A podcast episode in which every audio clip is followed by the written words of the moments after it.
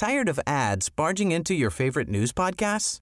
Good news. Ad-free listening is available on Amazon Music for all the music plus top podcasts included with your Prime membership. Stay up to date on everything newsworthy by downloading the Amazon Music app for free or go to amazon.com slash news ad free. That's amazon.com slash news ad free to catch up on the latest episodes without the ads. Normally, being a little extra might be a bit much, but not when it comes to healthcare. That's why United Healthcare's Health Protector Guard fixed indemnity insurance plans, underwritten by Golden Rule Insurance Company, supplement your primary plan so you manage out of pocket costs. Learn more at uh1.com. Du lytter til en podcast fra TV2. Louise Borglit og Emilie Meng har jo plantet en utryghed hos en helt ny generation, når man skulle i byen, fordi sådan noget det sker. Og så går der så mange år, og så er det en agent indsat i Endermark fængsel, som skal levere skytset mod den her mand. Det er sindssygt vanvittigt.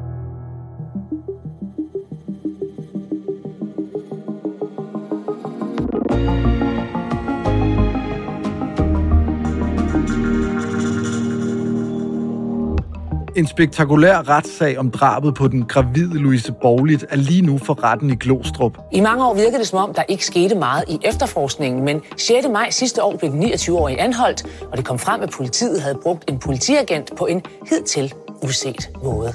Sagen er særlig, fordi de vigtigste beviser mod den tiltalte, 73 lydoptagelser, er indsamlet i fængslet af en hemmelig agent med dæknavnet Frank. Agenten blev indsat i fængslet for at opbygge en relation til den mistænkte og indsamle beviser mod ham. En metode, der aldrig før er set i Danmark i opklaringen af en drabsag. Men hvor langt kan og må man gå for at efterforske kriminalitet? Mit navn er Joachim Claus Høj Bindslev, og jeg er din nye faste vært på dato.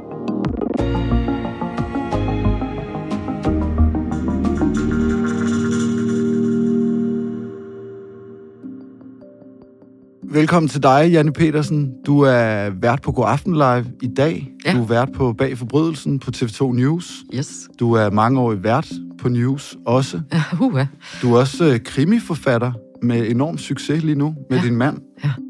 Hvad har du lavet i dag?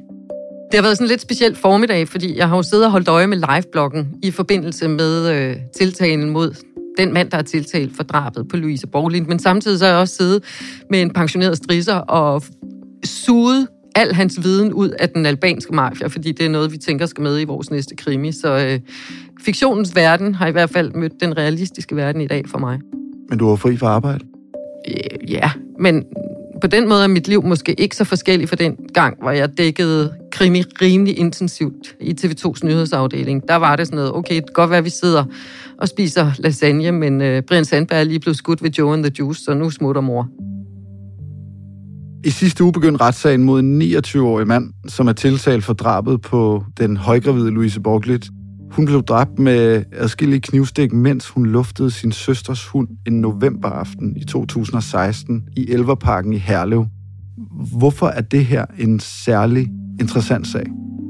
Det, der er helt unikt i den her sag, det er retshistorie, og det er nærmest også politihistorie, fordi man har taget en undercover politiagent, placeret ham i Endermark fængsel, hvor den 29-årige tiltalte, han sad og afsonede en straf på 8 års fængsel for vold mod sin tidligere kæreste.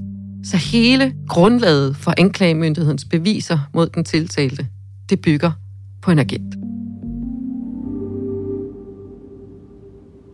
Hvad sker der den aften, da Louise Borglit bliver dræbt? Det er lige før klokken 19, og det er der, hvor hele Danmark sidder og skal se vild med dans. Det skal hun også, sammen med sin søster og svoger, hvor hun bor. Den sidste måned af hendes graviditet, for hun var i 8. måned, vil hun gerne tilbringe hos sin søster og svoger. Hun bor nede i deres kælder. Louise arbejder i magasin i kosmetikafdelingen, har været månedens medarbejder, bliver beskrevet som en skøn, dejlig kvinde, som kærer sig om andre. Hun kærer sig altså også om hunden inden vild med dans. Så Maggie, deres golden retriever, tager hun så med ud på en regnværs tung aften. Hun tager sin svogers regntøj på, det er lidt for stort, men så kan hun også dække hendes gravide mave, fordi hun er i 8. måned. De bor lige ved siden af Elverparken, som er sådan en lille fin park med en sø i Herlev, som er et sådan rekreativt område for folk. Og ganske kort efter, at hun er kommet ind i parken, så bliver hun overfaldet. 1914 er der et par, som er ude og gå tur med deres hund, som finder hende. Og de finder hende, fordi Maggie kommer hen og gør opmærksom på, at de på en eller anden måde skal komme med. Så kan de se, at der ligger noget derovre.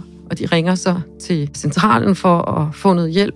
Øh, manden går i gang med at lave øh, livreddende hjertemassage på hende. Og mens han står der, kan man jo høre båndoptagelse, som er blevet afspillet efterfølgende, at han lige pludselig går i chok nærmest, fordi han kan se, at der er blod overalt.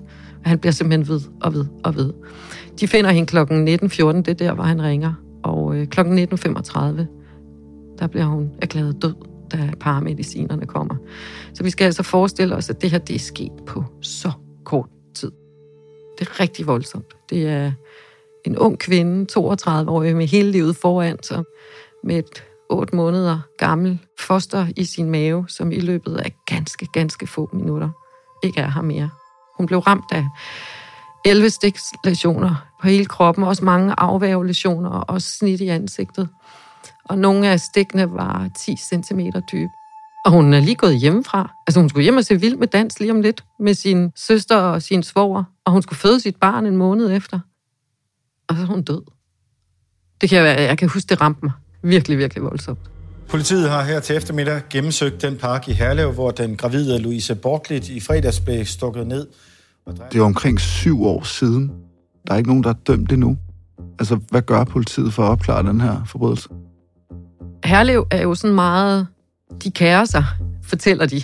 Der er fakkeloptog, og der er nogen, der samler ind til dusør, og folk er med ude og søge Forsvaret kommer og hjælper med deres øh, speciale indsatser, som kan finde ud af, hvor kan der eventuelt være en kniv, og alle øh, vandløb bliver nærmest øh, indenvendt. Øh, man får frit lejde til, at folk kan aflevere knive, lovlige knive, der bliver indleveret 50. Man tjekker dem, men der er ikke rigtig noget at komme efter. Altså buske ude i området bliver klippet, for at man bedre kan kunne se, kunne der ligge en kniv her. Men det fører bare ikke til noget, der går flere år, hvor vi ikke rigtig hører noget om, hvem der står bag det her, hvad politiet ligesom foretager sig, og så sker der et gennembrud i 2022, altså sidste år, hvor politiet sigter den her 29-årige mand for drabet på Louise Borglit. Hvordan når politiet derhen? Det er jo fuldstændig vanvittigt. Vi har ikke hørt om det i dansk efterforskning eller retshistorie tidligere, men man sætter simpelthen en infiltrator eller undercover-agent fra PET ind i Endermark fængsel, i den her sikrede afdeling, hvor den nu tiltalte, han sidder på det tidspunkt, han afsoner en straf på 8 års fængsel for vold og drabsforsøg mod en tidligere kæreste. Så de sætter simpelthen den her mand ind, og målet, det er jo at få hævet oplysninger ud af den mistænkte, sådan så det kan føre til en opklaring af drabet på Louise Borlit. Når man hører de her undercover-agenter fortælle om den træning, de har fået, så det, der er mest bemærkelsesværdigt, det er, at nogle af dem faktisk siger, at man skal være lidt lækker. Fordi det er sådan, at når du sidder over for folk, der ser godt ud, så har du også større tilbøjelighed til at få tillid til dem. Så handler det om sådan noget, Joachim, som du og jeg ved rigtig meget om. Det er at stille åbne spørgsmål, ikke stille lukkede spørgsmål. Altså, har du haft en god dag? Så vil jeg sige ja, eller jeg vil sige nej. Men hvis du siger, prøv at beskrive din dag, så vil man åbne sig. Så aldrig, aldrig lukkede spørgsmål. Også noget i forhold til kropssprog. Altså, hvordan sidder man? Mimik. Altså, hvordan ser man ud? Hvordan er det øjnene, de reagerer på noget, der bliver sagt? Det er de fuldstændig styr på. Så dem, jeg har talt med, de er også røvtrætte, når de er færdige, fordi du har simpelthen kontrol over alt, hvad der foregår. Mimik, kropssprog, måden at betone dine ord på, tonationen i dit sprog. Og så noget af det, du skal være aller, aller mest bevidst om, det er jo også, at du på ingen måde kommer til at tilskynde til ny kriminalitet, eller at du lægger ord i munden på den mistænkte. Hvordan griber den her agent det an? Frank, eller agent 488A, som han også hedder. Han bliver indsat i Endermark fængsel fire år efter Louise Borlit, hun er blevet dræbt. Man må have haft et eller andet på ham siden, at man siger, okay, nu går vi efter ham. Og faktisk ved vi nu, at han bliver sat ind, og der har man ikke nogen dommerkendelse. Så må man formode, at han får så meget skyts fra den mistænkte, at de går tilbage til en dommer, og så siger dommeren, den er god nok. Bare kør afsted. Det de faktisk også får, det er, at de får tilladelse til både at rum aflytte, men for den sags skyld også at sætte øh, video op, både i agentens celle, og for den sags skyld også i den mistænkte. Det er sådan, at hvis det, du er mistænkt for, kan give over 6 års fængsel, så kan man få tilladelse til det. Det er altså ikke alle, man lige kan gøre det med, hvis man har 3 gram has derhjemme. Men det kan man her. Så det betyder jo, at man har både billeder af ham, og man har også lyd. Og noget af det, der er sådan lidt bemærkelsesværdigt i den her sag, det er også, at meget hurtigt får de en eller anden forbindelse. Altså en meget tæt relation, meget, meget hurtigt. De går gårdture sammen, de har fællesskaber, kan lave mad sammen. Det er vigtigt for agenten, at det ikke er ham, der sådan pusher til fællesskab, men at den mistænkte og nu tiltalte også selv, ah, det kunne være fedt med dig. Og det, der så er endnu mere vildt, det er jo, at man på en eller anden måde skal lave en dækhistorie som agent, som lægger sig op af den form for kriminalitet, som man mistænker den indsatte for at have begået. Og der laver de altså en ret speciel dækhistorie, som handler om, at agenten siger, at han er mistænkt for et drab på en grønlandsk kvinde. Det er derfor, han sidder inde. Og så har han for øvrigt også lige begået et drab i Portugal tidligere. Og det er jo et spørgsmål om at lave en historie, der lægger sig så meget op af den indsatte mistænkte, sådan så de kan, altså i det her agentsprog, der kalder man det similarity, altså så den mistænkte på en eller anden måde, wow, han har gjort det samme som mig, så kan jeg godt tale med ham. Og han gør faktisk også det, at han fortæller om et drab i Portugal, som han har begået, der ikke er blevet opklaret. Wow, så kan jeg måske også begynde at åbne mig, for han fortæller noget, der er kontroversielt. Det kan jeg også. Der tror jeg simpelthen, de har siddet ude i headquarter i PET sammen med Vestegns politi og skruet en historie sammen, som har været så dækkende og øh, lækker spiselig for den mistænkte, hvis man kan bruge de ord, så man måske kunne håbe, at han vil åbne sig. Det er jo sådan en manipulation på den helt store klinge. Altså at lyve for at få vedkommende til at indrømme noget, personen måske har gjort, i hvert fald er mistænkt for. Jeg har spurgt dem, de undercover-agenter, jeg har talt med igennem tiden. Får man ikke dårlig samvittighed, for man får vel også en personlig relation. Og der får jeg bedre at vide, nej. Målet, Målet helliger midler. Og hvis man kan opklare en forbrydelse, så er det det, vi går efter. Og det er dog også specielt i den her sag, fordi de andre sager, hvor der har været undercover-agenter, som jeg har kendt til, der har det jo været op til en forbrydelse for at forhindre en forbrydelse. For eksempel i terrorsager. Den her, der er forbrydelsen begået. Og så skal man ligesom ind og få en tilståelse eller en forklaring ud. Det er sådan meget unikt altså. Så indtil nu har vi kun set agenter være der for at forhindre forbrydelser, ringe til politiet og sige, hey, der er noget, der foregår her, skal jeg være jeres øh, agter få mere ud af dem? Ja tak, det kan du godt. Den her, der er man simpelthen sat ind efter forbrydelsen, alene for at få en eller anden form for tilståelse, siger jeg med anførselstegn. Men i hvert fald nogle ord for den her mand, som gør, at man kunne gå videre med sagen. Ja, hvad fortæller han til agenten? Ja, igennem den tid, hvor han først er cellekammerat, og så da han så senere kommer ud af fængslet, Frank, øh, så bliver han ved med at besøge ham. Og noget af det, vi har fået beskrevet, det er for eksempel, hvor han fortæller, at man må gerne begå vold mod kvinder, men man må ikke voldtage dem, efter at de er blevet dræbt. Det er sådan noget, han siger. Han begynder også at, at fortælle, de har faktisk på video, hvordan han viser, hvordan man kan stikke et menneske ihjel. Han begynder at tale med ham om, for eksempel, der er en ældre dame, som ser en mand løbe ud fra Elverparken, efter hun har hørt en kvinde skrige rigtig, rigtig højt. Hun fortæller, hvordan de står ned under en lygtepæl begge to, så hun kan genkende ham. Hun mener simpelthen, at hun kan genkende hans ansigt. Der siger han så på et tidspunkt til Frank, 488A-agenten, at øh, den ældre dame, der stod, der så mig, nå nej, så ham, der løb ud fra Elverparken. Han klipper for eksempel også en artikel ud fra Se og Hør, og beder Frank om at læse den, fordi han er ordblind. Manden er adoptivsøn, diagnostiseret med ADHD, kan åbenbart ikke læse særlig godt, så han får agenten til at læse højt fra den her Se og Hør artikel. Det er han meget, meget optaget af. Og man kan jo sige, at alt det her, det er jo en perlerække af indicier, men det tegner jo selvfølgelig et billede af, hvordan den her mand, han har gået rundt og haft tanker i sit hoved, og da han så sidder over for en agent, som fortæller, at han faktisk har begået det samme, som man mistænker ham for, så begynder han at åbne sig. Og han tilstår nærmest over for ham til sidst.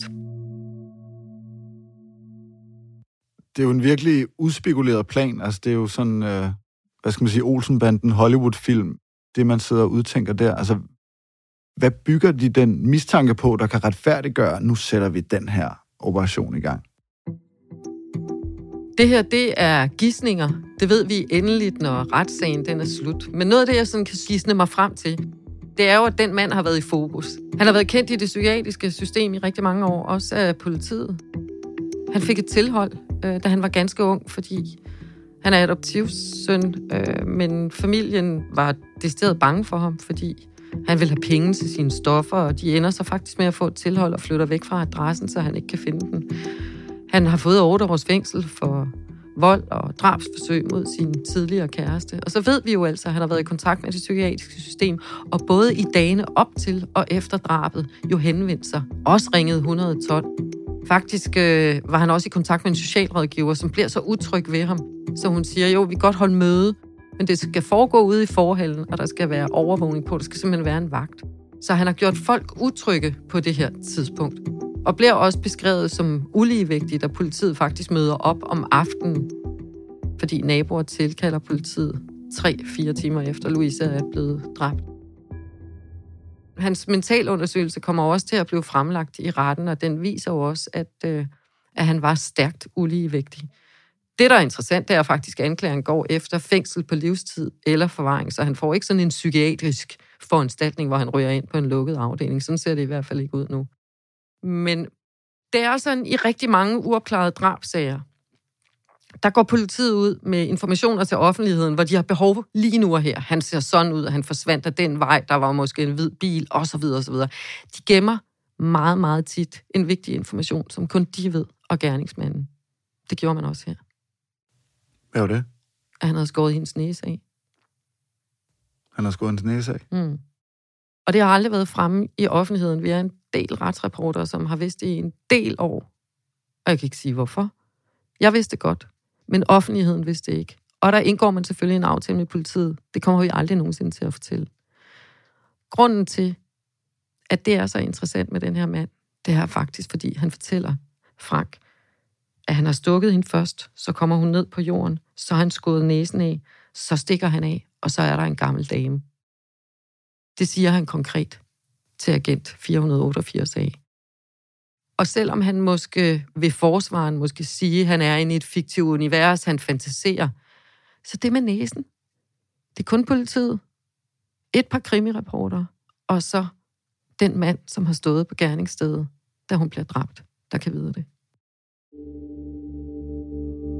Hvad har politiet ellers af beviser? Gerningsvåbnet er væk, han fortæller selv til Frank, eller agent 488A, at gerningsvåbnet havde han lagt ned i en bagagebærer på en damecykel, og da han bliver indlagt på psykiatrisk center to dage efter, der tager han kniven med.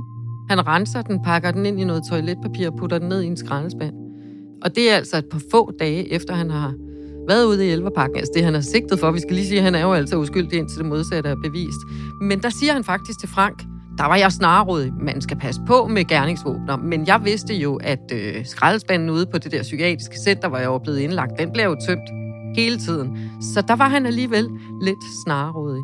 Så vi finder aldrig gerningsvåbnet. Der er et overvågningsbillede fra en genbrugsplads lige ved siden af Elverparken, øh, hvor man et år efter øh, hun er blevet dræbt, der offentliggør man selve overvågningsvideoen. Det er meget svært at se. Man kan bare se sådan en mand med en sort hætte og, og sådan noget den ældre dame har sagt, at hun vil kunne genkende ham. Altså hende, der var ude og gå tur med sin hund, skulle tænde en smøg, høre et højt skrig inden for parken, og så ser hun manden løbe ud efterfølgende. Hun mener, at hun vil kunne genkende ham. Og ellers, så er der ikke så mange tekniske beviser, for der er ikke noget DNA for tøj. Der er ikke noget DNA for et gerningsvåben, der aldrig er blevet fundet. Så derfor så bygger man jo altså sagen op omkring den her tilståelse, eller de her forklaringer, eller de her udsagn, han er kommet med over for agenten, som sad inde i en og magtfængsel. Så uden den hemmelige Frank, så var der ikke kommet nogen tiltale? Nej, det tror jeg ikke. Forklar lige fremgangsmåden i forhold til at bruge de her hemmelige agenter. Altså, hvad er det, en agent må og ikke må? I retsplejeloven er det beskrevet, hvad man må og hvad man ikke må. Jeg skal simpelthen ikke trætte lytterne med alle paragraferne. Men det, der er allermest vigtigt, det er, at du må ikke opfordre, og du må ikke påvirke. Så han må altså ikke hive en tilståelse ud af ham. Han skal hele tiden stille åbne spørgsmål, sådan så det ikke er ham, der lægger ord i munden på ham. Og det er jo noget af det, forsvaren vil gå ind i. Ah, men du har bare hævet en tilståelse ud af ham, og så skulle han have haft en sigtedes rettigheder. Så skulle han have haft en advokat til stede, og så videre. Det er noget af det juridiske fikumdik, der bliver diskuteret lige nu. Agenten har jo tydeligvis lagt en skummel plan i forhold til at få de her indrømmelser ud af den 29-årige. Har øh, vedkommendes advokat ikke en pointe i, at det ikke er i orden? Jamen, det er sådan noget af det, forsvaren vil bore i. Og det er noget af det, der kommer til at spille en stor rolle over de her samlede 11 retsdage, der er blevet afsat. Hun ville simpelthen have afvist hele den forklaring. Hun mente ikke, det skulle være en del af bevisførelsen. Så trak dommerne, tre juridiske dommere, sig tilbage, kom ind og sagde, vi godkender den her form for bevisførelse, men du skal bare stille spørgsmål ind, hvis du har lyst. Så øh, der bliver noget mundhuggeri ude i nævningesalen, ude i retten i Glostrup. Det skal der også være. Fordi det er der enormt vigtigt i forhold til vores øh, samfund, at øh, alle motiver, alle teknikaliteter, alle redskaber for politiet bliver, øh, bliver gennemtjekket, og man er simpelthen uskyldig indtil det modsatte er bevis. Sådan er det. Er der noget problematisk i forhold til retssikkerheden for mistænkte i sådan en metode her? Hvis der på et tidspunkt bliver afspillet nogle klip, hvor man tænker, okay, her der er han simpelthen ude med, med, med fiskestangen for at hive en tilståelse ud af ham, så er det problematisk, fordi så vil det minde om en decideret afhøring. Og der har man altså sigtets rettigheder, som hedder, at man har krav på at have en advokat ved sin side, og man faktisk ikke behøver at udtale sig. Så man kan sige, der hvor det kan komme på kant, det er, hvis nogle af de videoklip, der bliver afspillet, minder mere om en afhøring end en fortrolig samtale. Du nævner det selv, at man har brugt en agent i opklaringen af, af, af forbrydelsen her. Det er en øh, kontroversiel, kan man vel godt kalde det, øh, måde, som politiet har forsøgt at løse den her sag.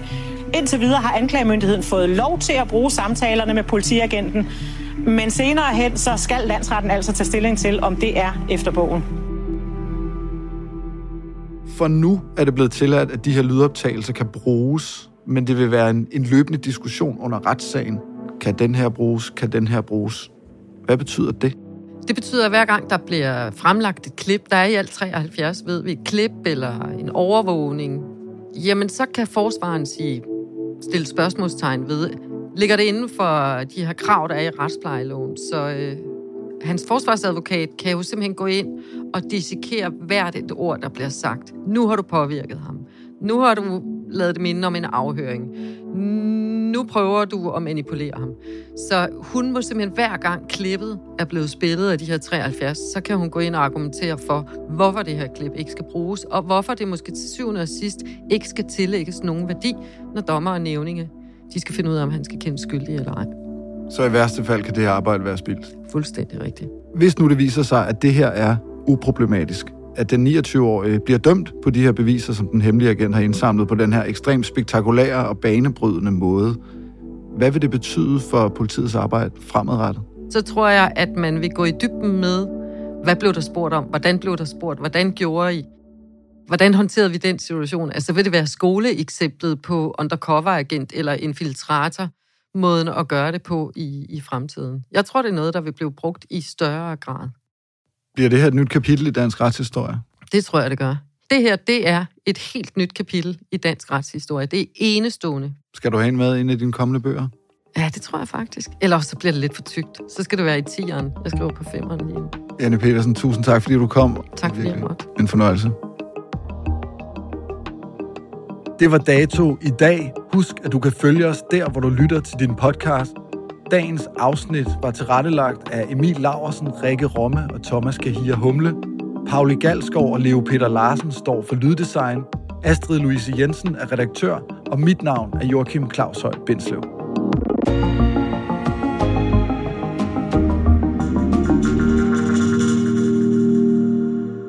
Du har lyttet til en podcast fra TV2.